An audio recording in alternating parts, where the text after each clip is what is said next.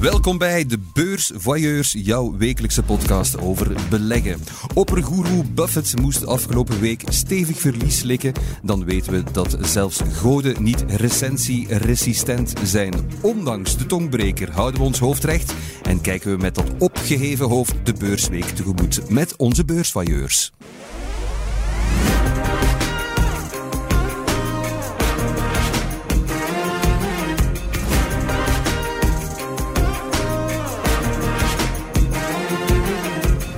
Ik ben hier gelukkig niet alleen om de beursweek te tackelen, maar krijg het goede gezelschap van een bekende belegger en van twee beursvoyeurs. Die laatste zijn deze week Bas van der Hout van De Tijd en Frank de Mol van De Belegger. Welkom. Dag heren. Goedemorgen Thomas. Alles goed met jullie? Helemaal top.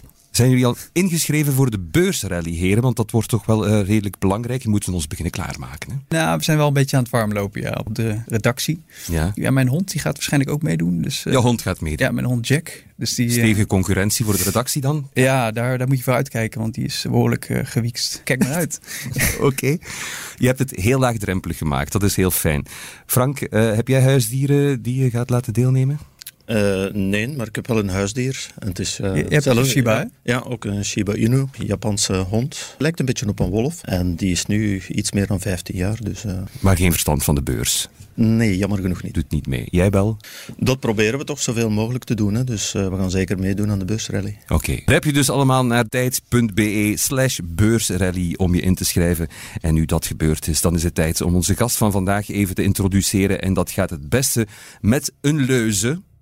Beleggen begint bij jezelf. Deze en een tal van andere beursleuzen kan je opzoeken in een van de boeken van onze gast van vandaag, Koen de Leus, hoofdeconoom bij BNP Paribas Fortis. Dag Koen. Hallo. Beste Koen, welkom. Zijn er nog betere leuzes? Uh, zoals, weet ik veel, laat je door een leuze niet pakken bij de neuzen. Dat lijkt me een heel leuke Ja, ja uh, zeker voor beleggen zijn er nog uh, natuurlijk veel uh, betere leuzes. Nu, mijn belangrijkste leuzen is eigenlijk, ja, laat je winnaars lopen en cut your losses. Dat is zo'n beetje de belangrijkste leuze die ik mij voorhoud. Oké, okay. die pakken we alvast mee. Koen, je bent gepassioneerd door behavioral finance. Bij welk genre moeten we dan jouw boeken het best indelen? Zijn dat thrillerverhalen of eerder toch psychologie? Daar gaat het inderdaad een uh, groot deel om. Nu, dat is ook maar één van mijn boeken die ik geschreven heb. Ik heb er een drietal geschreven. Nu, maar inderdaad, die beursleuzen, dat was in mijn tijd dat ik nog zeer actief was als uh, stokpikker. Vandaag ben ik iets minder actief als stokpikker. Maar ik denk dat het inderdaad toch wel een van de belangrijkste eigenschappen moet zijn van iemand die op de beurs gaat uh, investeren. Dat hij cool is, dat hij eigenlijk volledig ratio is en geen emotie. En ik denk dat dat het belangrijkste kenmerk moet zijn van iemand die op de beurs gaat investeren. Zie dat je emotie uitschakelt, zie dat je vaste regels hebt om aan te kopen, om verkopen. En dan denk ik dat je succesvol kan zijn op de beurs, maar dan moet je inderdaad nog de juiste aandelentips hebben. Ik volg dat helemaal en ik, ik vraag mij meteen af, dat is waar, maar hoe doe je dat? Ja, en ik denk dat je daar gewoon bepaalde regels voor moet opstellen, dus gewoon vastleggen en je altijd aan die regels houden. Een van die regels is bijvoorbeeld wanneer dat ik in een aandeel wil gaan beleggen, dan ga ik toch altijd een week of twee weken ja, bedenkingstijd inlassen. Bedenkingstijd om dat aandeel zelf een beetje te gaan bestuderen, om te zien waar de valkuilen zijn, waar ik moet opletten. En pas dan, als ik dan overtuigd ben, dan ga ik investeren. Ik zal nooit niet kijken naar, oké, één bepaalde tip en oké, nu ga ik onmiddellijk investeren in dat aandeel. Nee, er zal altijd een bepaalde bedenkingstijd zijn. Hetzelfde ook voor kopen of aankopen. Er zal altijd een bepaalde regel zijn die zegt van, oké, verkopen van een aandeel, laat het aandeel 100% stijgen en dan zal ik een stuk verkopen of volledig verkopen, om heel mijn portefeuille ook niet volledig ja, uit evenwicht te halen mm. in, in zakenwegingen. Bij verkoop is het heel simpel. Ja, wanneer een aandeel 30% zakt onder zijn aankoopkoers, dan gaat het onvermijdelijk buiten. Bezint eer je begint. Dat lijkt mij een basisregel. In... En een mooie leuze ook toch? Een heel mooie leuze. Um, Koen, je bent hoofdeconoom bij BNP Paribas Fortis. Wat een boeiende tijd om op die stoel te zitten, toch? Boeiend en inderdaad ook uh, zeer intens. Daar gaat mijn volgende boek ook over. Allee, ik ben hier nu niet om mijn boek te promoten. Maar het mag. Maar voilà. Uh, en dat is dan ook samen met onze hoofdstrateeg Filip Gijsels. En wat we daarin gaan beschrijven zijn eigenlijk de belangrijkste trends voor de komende, ja, de komende decennium. En ja, daar zie je toch wel heel veel trends. Daar zie je die vergrijzing die echt begint te bijten. Nu ja, die is al 15 jaar, 20 jaar bezig. Daar zie je die schuld die bij niet alleen de bedrijven, maar zeker de overheden torenhoog. Zie je die klimaattransitie, zie je deglobalisatie, zie je digitale revolutie. Alles komt eigenlijk op elkaar. We zitten in een perfecte storm en, en ja, we moeten alleen proberen te navigeren dat we door die storm, dat we daar redelijk ongehavend doorkomen. En dat gaat toch wel een serieuze uitdaging worden, globaal, maar ook voor België. Koen, wanneer is die economische kriebel bij jou begonnen? Wel, um, dat is eigenlijk in dit huis begonnen. Uh, ik ben bij de tijd uh, tien jaar werkzaam geweest. Op dat moment was hier ook Luc van Ecke, die toen hoofdeconoom was. Vandaag is die op pensioen, maar ja, dat is een wandelende encyclopedie. Eén, op financieel vlak. Twee, zeker op macro-economisch vlak. Ja, hij heeft mij onder zijn vleugels genomen, als ik het zo mag zeggen. En uh, ja, hij heeft mij wel heel veel zaken geleerd over één, economie en zeker ook over ja, financiële kennis. Maar natuurlijk, naast Luc van Ecke was er ook de, de onvermijdelijke professor Van der Elst, die hier ook al eens een paar keer gepasseerd is. Voilà, is dat. Een goeroe. Een goeroe en, en, en vooral die de passie van, van beleggen kon overbrengen. Nu heeft mij ook mij wel uh, de grootste verlies uit mijn carrière meegebracht. Uh, want, want, ja, hij was dan echt wel een fan van Aziatische tijgers en ik in uh, mijn jeugdige enthousiasme heel wat geld in Aziatische tijgers in de jaren 90 gestoken. Maar natuurlijk, daartegenover stond dat ook die schulden geweldig snel aan het oplopen waren. En dan had je ja, uh, op een bepaald moment de, de schuldcrisis in het midden van de jaren negentig. En dan zijn al die Aziatische tijgers, eigenlijk zijn dat allemaal kleine poesjes geworden en uh, zijn die volledig in elkaar gestort. En de beleggingen zijn dan ook in elkaar gestort. En dat was uh, ja, onmiddellijk een les om het toch iets of wat dichter bij huis te houden in zaken beleggen. Je hebt eigenlijk een kat in de zak. Al op dreef, Bas. Prachtig. Heel mooi. Over viervoeters gesproken, je hebt er ook een. Ja, dat is Winston. Ja, Winston, jouw hond, dat lijkt op een wolf. Mijn hond, dat lijkt meer op een muis. Het is een Malteser. Nu, mijn vrouw is er gelukkig mee, dan ben ik er ook ja, je klinkt matig enthousiast, maar geen probleem. Uh, Winston naar Winston Churchill? Naar Winston Churchill en naar het feit dat we eigenlijk geen andere naam konden verzinnen. Maar het schijnt is er ook een aap Winston. Ah. Ik, we kwamen uit op de naam Winston en ik had dan het idee van Winston Churchill en mijn zoontjes in die tijd nog een stuk jonger, die zeiden van ja, maar Winston is ook een soort aapje. Ik laat voor mij blijft, voilà, voor mij blijft het Winston Churchill. Oké, Koen, fijne kennismaking. We gaan uh, natuurlijk nog niet alles meteen weggeven, want anders gaat Wanda kregelig worden, de beurscomputer van de tijd. Die kan daar niet om lachen, die zal straks eens dieper graven en meer bepaald in jouw portefeuille. Laten we eerst focussen op de voorbije week. Wat is onze experte bijgebleven en waarom? Ik ben heel benieuwd. De beursblik. In de beursblik komen we te weten wat onze beursvoyeurs graag rond de tafel is willen bespreken met ons. Wat ontnam hen misschien een nachtrust? Waar piekeren ze een beetje over? Of wat willen ze in elk geval onder de aandacht brengen? Laten we eens bij jou beginnen, Koen. Wat bracht jij mee? Ik heb Solvay meegebracht omdat zij resultaten hebben bekendgemaakt, omdat zij nieuwe investeringen hebben bekendgemaakt. En als we dan kijken eerst naar die resultaten, dan zie je die prijszettingscapaciteit. En dat is natuurlijk ja, cruciaal in, in de huidige tijden. En dat heeft er ook voor gezorgd dat, dat die marge die Solvay realiseert, dat die toch wel fameus is. Dat die, die heel hoog is en onverwacht hoog is. En dat speelt natuurlijk tegen pogingen van centrale bankiers om die inflatie te drukken. Natuurlijk, als je prijszettingscapaciteit hebt, ga je producentenprijzen de hoogte in. De producentenprijzen gaan de hoogte in. Gaat natuurlijk ook de consumentenprijzen de hoogte in. En daar, is, uh, daar zijn de centrale bankiers ja, proberen aan tegen in te gaan om die inflatie te drukken. Hoe hebben ze dat klaargespeeld? Wel, ze zijn natuurlijk ja, een van de belangrijkste producenten in bepaalde producten. Dan heb je die prijszettingscapaciteit.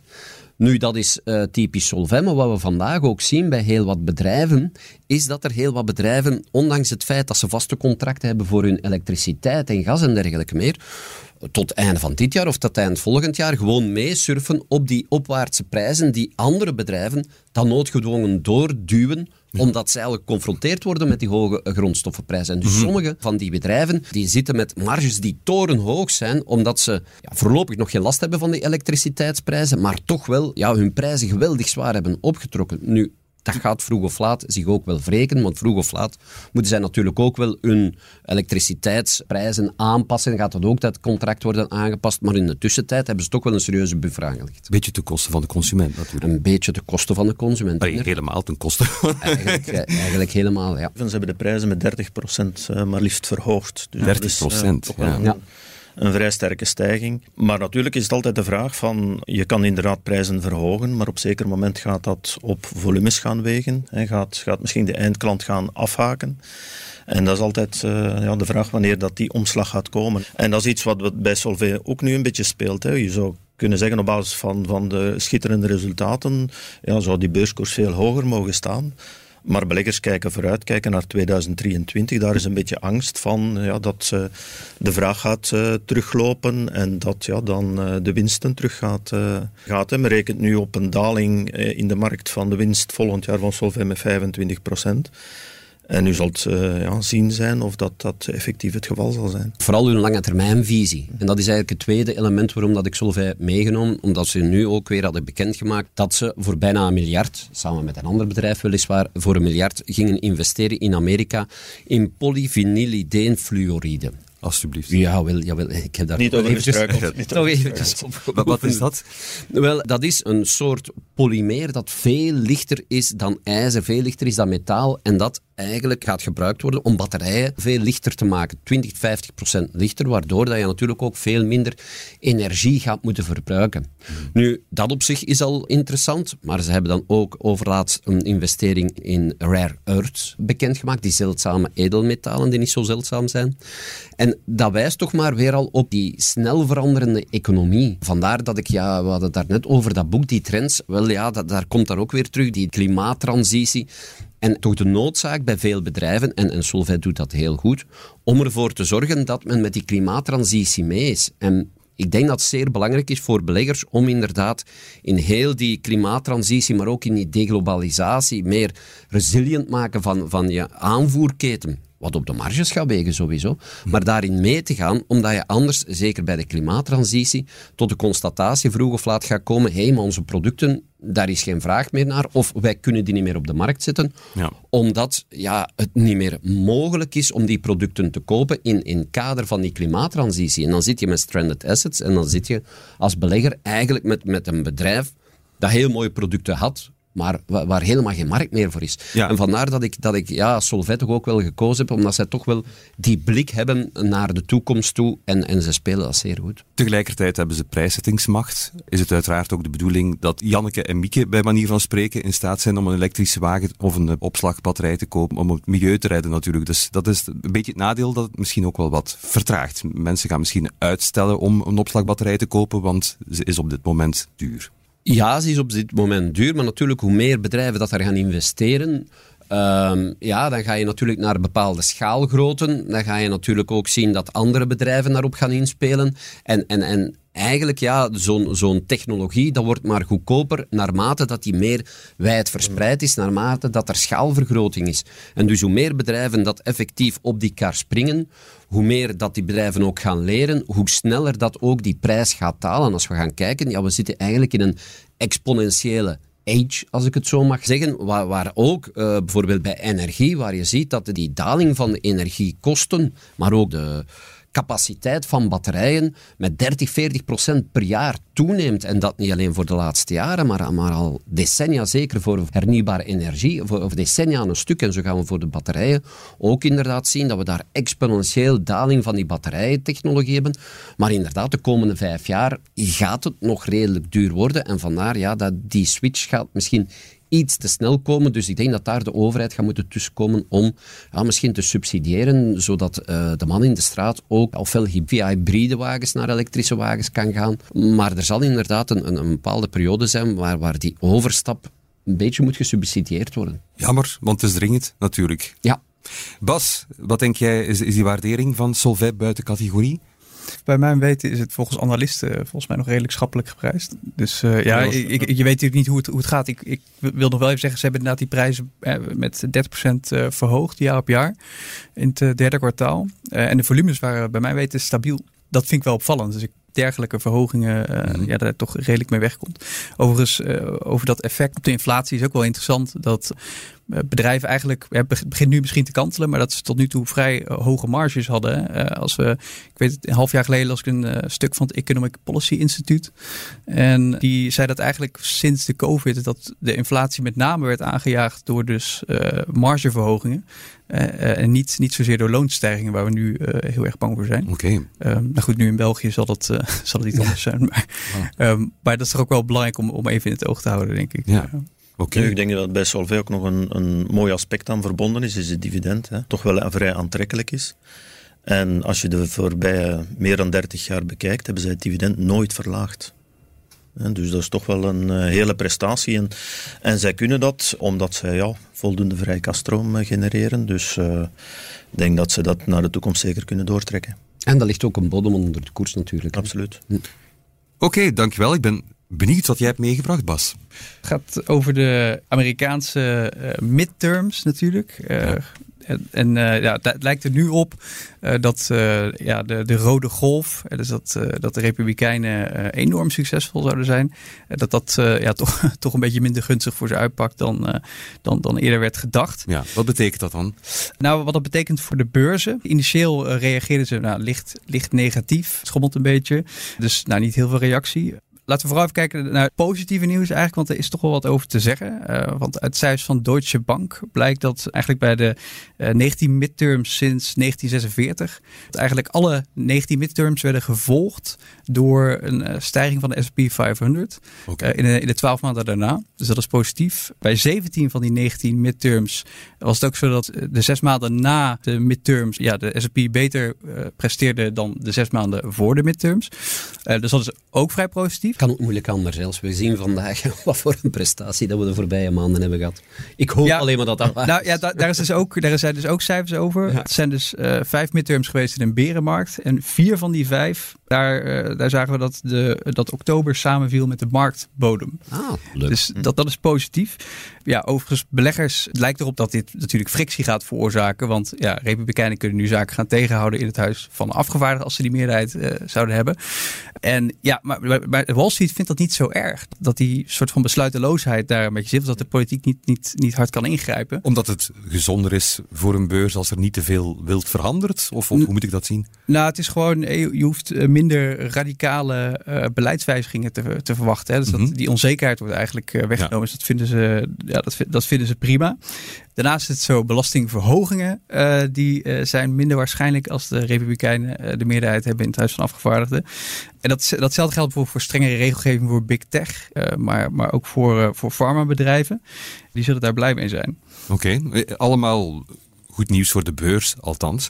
Zijn er ook negatieve kanten? Het is sowieso geen garantie hè? Dat, dat, dat het nu, hè, want het is 19 keer goed gegaan. Dan zou je zeggen, nou, twintigste keer ook. Ja, dat, dat weten we niet. Daar mag je niet van uitgaan. Nee, dat, dat, dat, dat weten we niet. Het, het is allemaal en, nog gaande ook vooral. Ja, ja nou, dus wat bijvoorbeeld negatief is, is dat, dat het dus moeilijker gaat worden om over dat uh, het tweede half jaar van 2023 dat schuldenplafond uh, weer verhoogd worden. Nou ja, als Republikeinen daar stevig gaan dwars liggen in het huis, dan, dan kan het zijn dat, er, dat daar ook weer een padstelling komt. De VS mogelijk in gebreken blijft. Als dat gebeurt, uh, dan rekent Moody's in ieder geval op dat de beurs met een derde kan, uh, kan zakken. En dan heb je natuurlijk ook nog de renteverhogingen en dergelijke van de Fed, die, uh, van de Amerikaanse Centrale Bank, die ook maar de rentes blijft verhogen om de inflatie te temmen. Ja. En ook dat is weer niet zo goed voor de, ja, dat is over het algemeen niet zo goed voor aandelen. Hoe zie jij het op langere termijn, Koen? Wel, ik denk dat Bas het inderdaad een goede punten maakt. Zeker die schuldlimiet het geschiedenis herhaalt zich. We hebben dat al enkele malen gezien, dat er, dat er echt wel gridlock is, dat men die schuldlimiet niet verhoogde, dat er geen overeenstemming was, dat de overheid dicht ging gewoon. En dat was in 1995, 2011 en 2013. het was altijd hetzelfde scenario, een democratische president en Huis van Afgevaardigden dat dan in de handen kwam van de Republikeinen. Mm -hmm. Nu, als dat maar enkele dagen is, dan is dat niet erg. Als dat enkele weken is, ja, dan kan je in een situatie komen zoals 2011, dat er een ratingverlaging gaat zijn. Dat is toch wel iets dat we vandaag kunnen missen als kiespijn. Ja. Uh, zeker omdat ja, die, die, die schuldpositie van de VS niet ideaal is. En, en ik denk zeker op lange termijn, wat wij vooral zien als een groot gevaar, is dat wanneer dat je echt in gridlock zit, waar de Republikeinen alles gaan blokkeren van de Democraten, dat wanneer dat we naar die vertraging van de economie gaan, die zeker gaat komen waarschijnlijk in laten we zeggen, derde kwartaal van 2023, omdat dat monetair beleid en de stijging van die rente met enige vertraging impact heeft. Ja, op dat moment gaat er ook geen soepel fiscaal beleid, soepel budgetair beleid kunnen gerealiseerd worden om die economie uit die recessie te halen. Nee, de, de, Republikeinen die willen waarschijnlijk uh, daarop gaan, hè, op, de, op de uitgaven gaan snoeien. En, en, al helemaal als ze zelf niet de president uh, leven voilà. natuurlijk.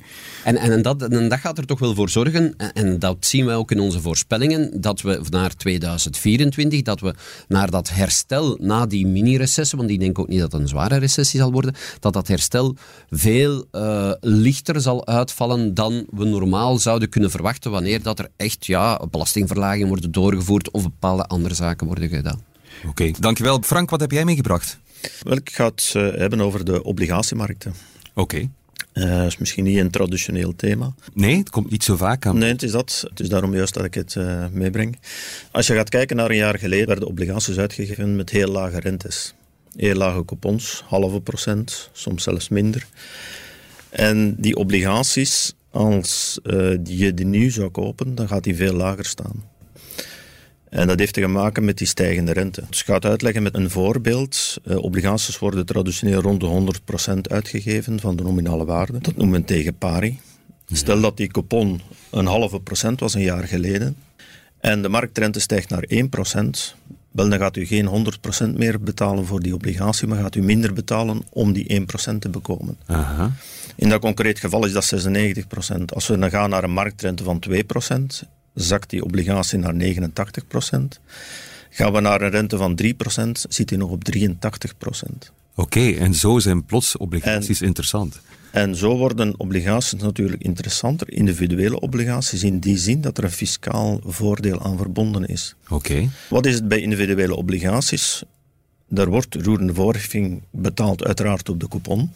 Die coupon is heel laag. Een jaar geleden, als die obligatie met een coupon van 0,5% werd uitgegeven, ja, betaalt u maar weinig roerende voorheffing. Maar op het verschil tussen de terugbetalingsprijs van 100% en de prijs waartegen u obligatie gekocht heeft, in ons voorbeeld bijvoorbeeld 83%, ja. betaalt u geen roerende voorheffing. Oké. Maar het is wel rendement. Ja. dus die heeft geen halve procent rendement, die gaat veel meer rendement hebben. En die bruto is bijna netto. Dus dat is wel uh, een belangrijk voordeel. En ik denk dat um, ja, in de obligatiemarkt, en als we nu gaan rondkijken, zijn er heel veel obligaties die beneden de 100% noteren. En daar heb je het nu over de hele pot of, of enkel staats- of bedrijfs? Nee, nee het gaat over staatsobligaties. De, de staatsbond bijvoorbeeld, diegenen die vroeger gelanceerd zijn, wel, die, die zijn natuurlijk ook uh, redelijk gezakt in koers. Maar ook bedrijfsobligaties. Hè. Daar ga je nu netto-rendementen kunnen halen van, van 3, soms 4 procent als, als het iets langer is. Uh, dus dat is zeker wel in, in de hoogte houden. En ik zou het eigenlijk het voorbeeld willen geven van, van Oostenrijk. Ja. Die hebben in 2020 een 100-jarige obligatie uitgegeven. Met een coupon van 0,85 procent. Ik denk, ja, toen is er op ingetekend. Ik zou niet weten waarom dat men daar toen zou moeten op ingetekend worden, want 0,85 procent ja, is niks. Zeker als we rekening houden met de inflatie die we mogen verwachten. Wel, die is aan 98 procent uitgegeven en in december 2020 stond hij al 140% van de nominale waarde. Ja. U mag nu raden wat, wat die nu staat, die obligatie. Geen idee. Uh, wel, die staat nog 45%. Oké, okay, amai. Ja. En dus dat is een derde van, van het topniveau. En toch brengt die obligatie nog altijd maar iets meer dan 2% op. Op 100 jaar. Als je rekening houdt met een inflatie, ja, op dit moment rekent de markt voor de komende 10 jaar op 2,5% ongeveer. Uh, wat voorzichtig. Maar dat geeft aan dat die obligatie nog altijd niet interessant is. Ja. Je zou kunnen zeggen, als je een rendement van meer dan 3% wilt, dan moet die obligatie verder zakken naar 32% van de nominale waarde. Ja, natuurlijk 100 jaar wachten tot het afloopt. ja, ja, ja, het is dat, maar dan heb je nog altijd maar 3% op die, op die hele looptijd, op die 100 jaar. Ik weet niet zeker of maar het, geeft maar, het geeft maar aan dat ook in obligatiemarkten, ja, dat men daar ook risico's kan lopen, dat men ook goed moet opletten, ja, één met de debiteur, wie geeft het uit, de looptijd enzovoort, en ja, het moment waarop dat men koopt. Hè. Maar er Obligaties wel... worden altijd aanzien als defensief. Maar sinds begin dit jaar zitten we op, eh, denk ik, meer dan min 20 procent eh, voor de meeste obligaties. Maar nu begint dat natuurlijk, beginnen stilletjes aan toch hier en daar wat, wat opportuniteiten te komen. Maar, maar, zeker in de VS zou je toch ook zeggen dat je, eh, daar heb je redelijk snel je geld terug, maar je hebt toch een behoorlijke rente op dit moment? daar ga je inderdaad op, op korte looptijden ga je daar inderdaad redelijk wat rendement halen, denk ik. Uh, sommige ja, 4, 5 zeker in verhouding met de spaarrekening. Ja, absoluut. Hm. Maar natuurlijk, dan heb je dollarrisico, wat je in euro Nee, klopt. Maar het, lijkt me dat, dat in ieder geval... Ja, klopt, je hebt dollarrisico mm. natuurlijk. Maar in Amerika lijkt me dat toch wel, wel een ding. En ik denk in Europa op termijn toch ook wel. Want, uh, is nu maar je ziet dat ook in Europa meer en meer, dat je uh, inderdaad betere rendementen hebt. Koen, wanneer gaat BNP Paribas de rente verhogen? dat is dan op een spaarboek. Daar ga ik niet op een spaarrekening. Daar ga ik niet, niet op ingaan. Was. Maar wat ik wel kan zeggen is inderdaad, de BNP Paribas Fortis inderdaad ook obligaties terug als aantrekkelijk begint te beschouwen. Dus in onze, in onze, heel onze strategie ja, hebben wij eigenlijk heel lang volgehouden de laatste vijf jaar. Tina, there is no alternative. Trina, there really is no alternative. Uh, Trina bestaat ook al. Ja, dus Trina bestaat ook. Ja, na een tijd, als je elke keer met Tina komt bij presentaties, zeggen ze, ja, nu moet je iets anders komen, ja, dan komt Trina. maar, maar vandaag zie je dat we inderdaad langzaam ook obligaties naar voren schuiven, omdat, zoals Frank inderdaad zegt, ja, dat daar beginnen toch wel interessante rendementen komen uh, van 4, 5 procent voor bedrijfsobligaties. Het enige waar je natuurlijk wel mee moet rekening houden met die obligaties, is dat die obligaties en die obligatiekoersen gewoon in dezelfde richting vandaag tot nog toe hebben geëvolueerd de voorbije jaar ten opzichte van aandelen. Wat vroeger helemaal anders was. Vroeger was ja, een, een, een obligatie is een buffer in je portefeuille en je hebt dan een gespreide portefeuille, een stuk aandelen, een klein stukje obligaties. Dalen die aandelen, dan stijgen die obligaties en omgekeerd. Ja, Vandaag heb je die, die wisselwerking nog niet, want er is wat men noemt een positieve correlatie. Stijgen die aandelen, stijgen de obligaties, stijgen die, uh, dalen de aandelen, dalen de obligaties. Dat zal vroeg of laat nog wel uh, veranderen, maar vandaag moet je voor een mooi gediversifieerde portefeuille toch ook wel op zoek naar andere zaken dan alleen maar obligaties om die mooie diversificatie te krijgen. Oké, dankjewel Koen. Ik ben enorm benieuwd nu al naar jouw overgediversifieerde portefeuille, maar dat, dat zal Wanda zijn die dat eens grondig onder de loep neemt. Het is tijd voor Show Me The Money.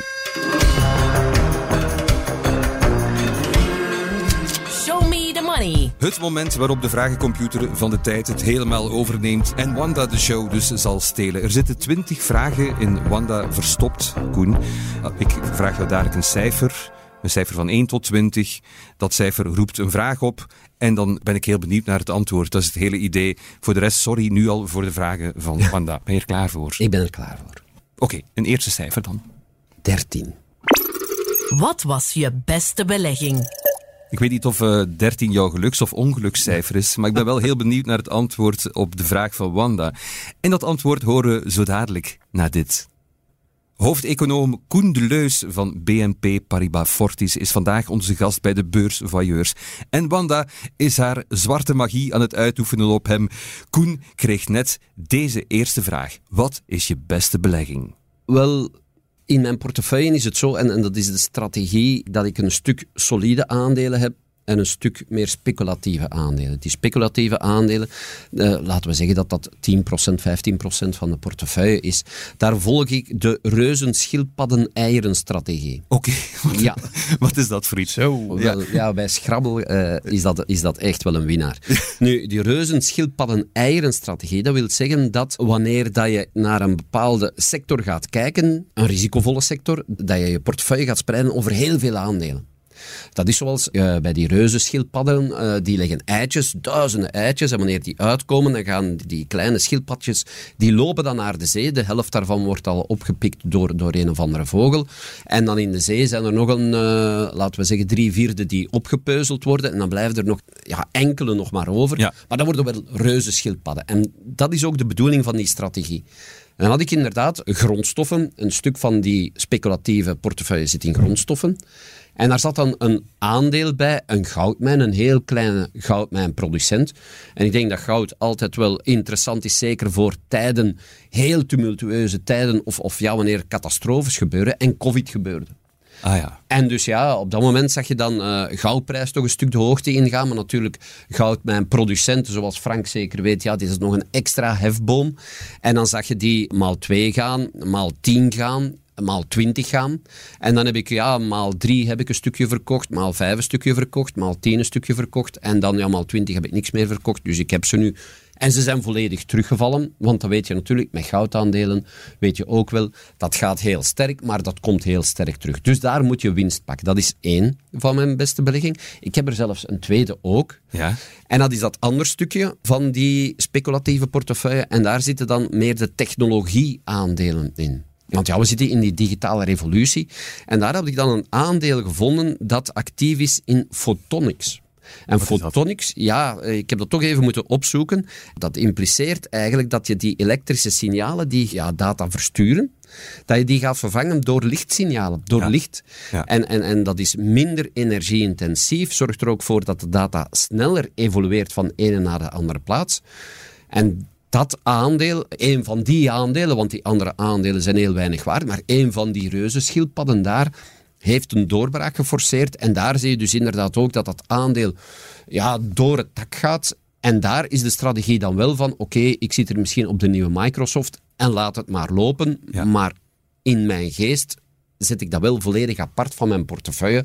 Want als dat volledig terug naar het nul uh, gaat, ja, dat gaat dan natuurlijk wel een klein beetje pijn doen. Maar ik kom daar niet aan. Ik kom daar niet aan en we zullen wel zien wat het geeft. En als ik vroeg of laat hier mijn Ferrari kom, ja, dan weet je dat het goed is gegaan. Dat is goed en dat we allemaal op de optische kabel zijn overgeschakeld. Voilà, voilà zoiets. Oké, de reuze schildpadden eieren strategie. Dat is het. We hebben weer bijgeleerd. Fantastisch. Nog een uh, nummertje? Zes.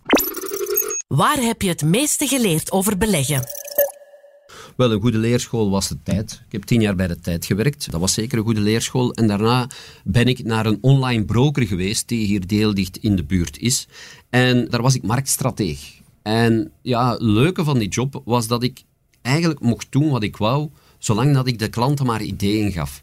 En ja, dan had ik idee voor, ja, oké, zo'n beleggingsstrategie, zou dat werken als we dat doen op basis van koerswinst of op basis van koersboekwaarde of op basis van koers cashflow. En, en ik kon eigenlijk al mijn, mijn, mijn ideeën botvieren, want ik had dan een hele dag, eh, soms twee dagen, om bepaalde dingen uit te proberen. Ja. En, en, en, ja, dat heeft mij wel toegelaten om zeker aan die vijf, zes jaar dat ik daar bij die online broker werkte, om heel veel kennis op te doen en om inderdaad ook dat boekje te schrijven over behavior finance, welke valkuilen dat de belegger moest uh, vermijden.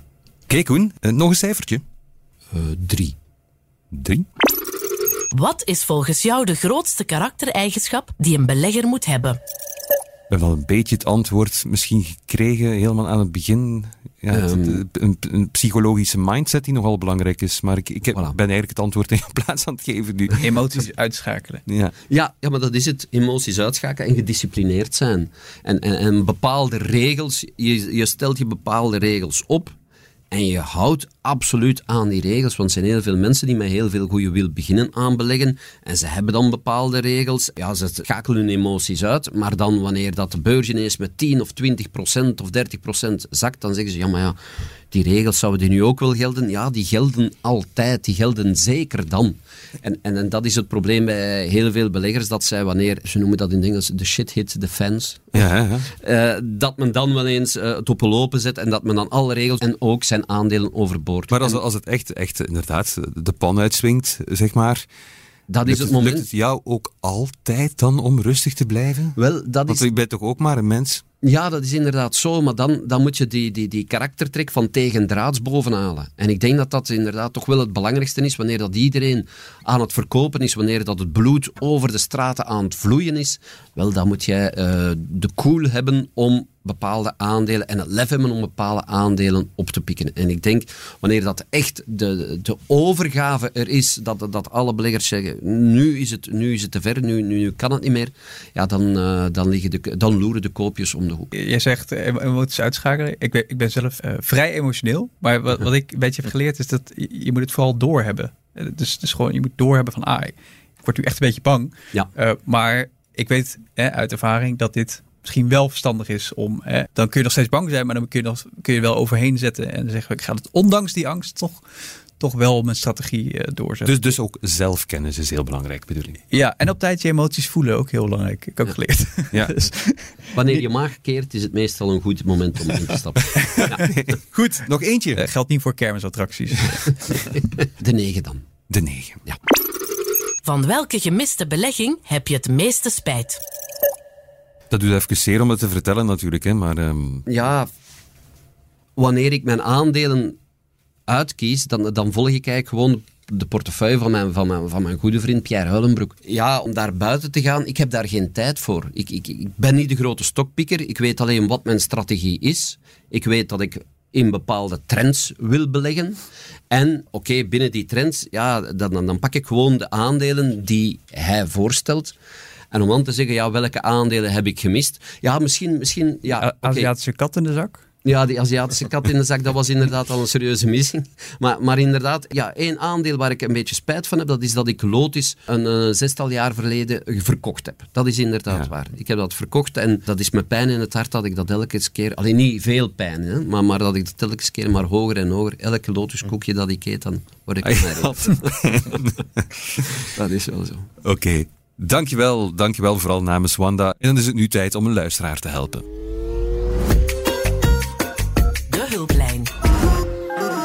Hoog tijd om ons ego even aan de kant te schuiven en ons helemaal ten dienste te stellen van jullie luisteraars.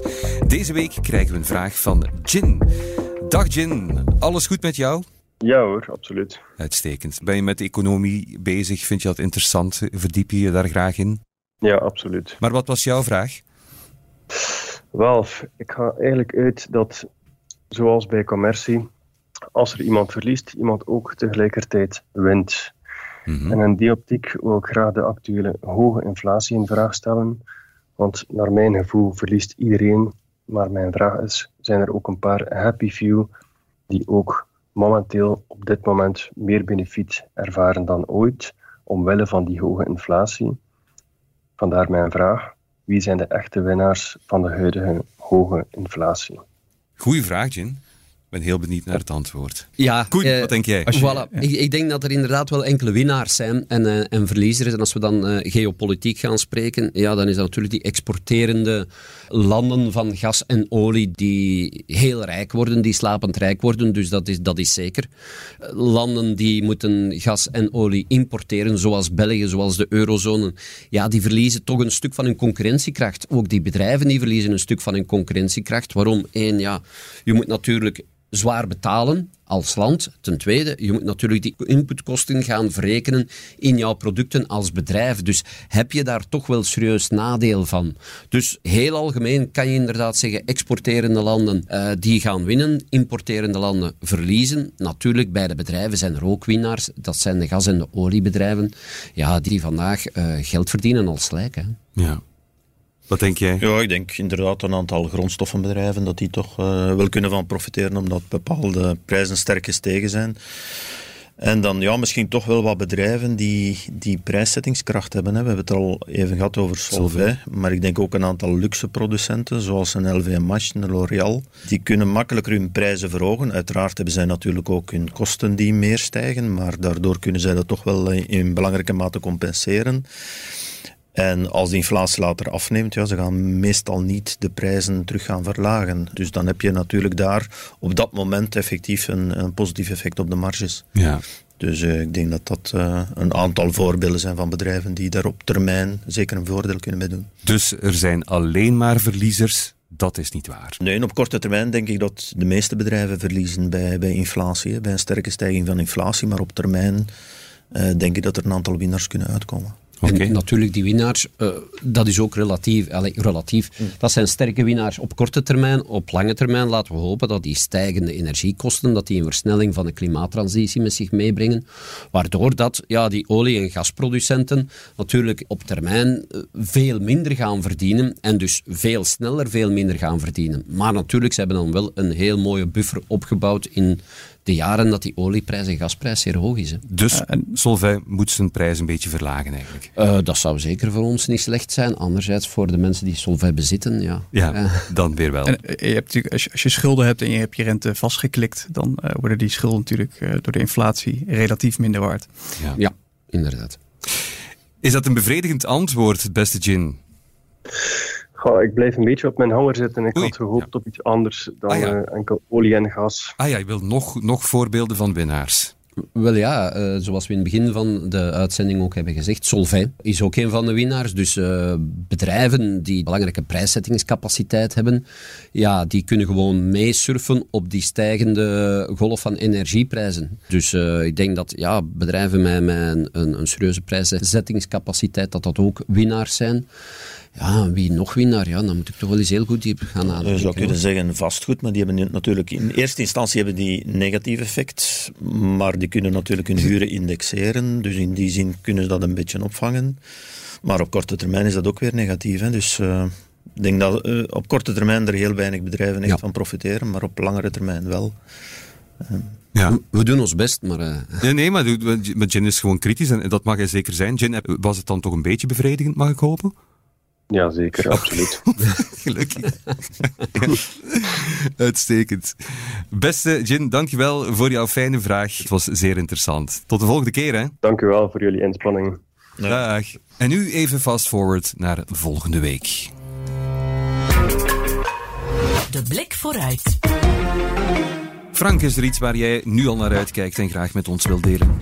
Ik kijk vooral uit naar een rustigere week. Ja. Want de voorbije twee weken waren hels uh, op het gebied van bedrijfsresultaten. Dus vanaf volgende week zal het iets rustiger worden. Dus dat is toch iets waar ik naar uitkijk. Dat is jou helemaal gegund. Bas, behalve de verdere ontwikkelingen in de US, iets waar je nog naar uitkijkt? Uh, ja, B-kaart. Uh, kijk naar uit. Uh, over het algemeen een cyclisch bedrijf. Benieuwd hoe dat uh, beïnvloed wordt door ja, economische ja, afzwakking. Ze zitten meer gefocust op hoge kwaliteit tegenwoordig. Dus ja, er zijn analisten die denken dat ze misschien ja, nog wel redelijk weerbaar blijven. Dus ik ben benieuwd. Oké, ik ook. Koen, waar kijk jij nu al naar uit? Naar het verlengd weekend. dat is jou meer dan van harte gegund. jouw boek misschien ook? Wanneer, wanneer komt jouw nieuwe boek uit? Wel, we plannen ergens midden volgend jaar, dus uh, daar gaat nog uh, wat hard labeur in gaan. Oké. Okay. Maar je kijkt er wel naar uit, neem ik aan. Ik kijk er naar uit en dat is ook... Uh, dat, dat verlengd weekend zal daar in functie van staan. Ah, het is weer werken eigenlijk. Ja, Uiteraard. Geniet ervan. Dankjewel. Goed, dit was het voor vandaag. Ik bedank onze beursvailleurs van dienst Bas van der Hout, Frank de Mol, onze luisteraar Chin en natuurlijk onze bekende voyeur Koen de Leus. Volgende week zijn we er opnieuw met een nieuwe bekende voyeur die nog niet te veel kwijt wou, behalve dit. Graag tot volgende week. Salut, uh, enfin écoute, uh, hallo beursvoyeurs. Bedankt voor de invitatie en uh, natuurlijk kom ik naar jullie studio volgende week, bien sûr. Ik lees de tijd, hè. Ik ben mee. Wie ben ik? Bah, jullie hebben zonder twijfel een kaart in jullie portefeuille zitten die gelinkt is aan mij. En verder heb ik ook een fijne neus voor fintech. En voor de beurs. Allez, à bientôt. Hè. Dit was de Beursvoyeurs. Presentatie door Thomas de Soete. Productie door Anne-Sophie Moerman. Mis het beursnieuws niet op tijd.be. Graag tot volgende week.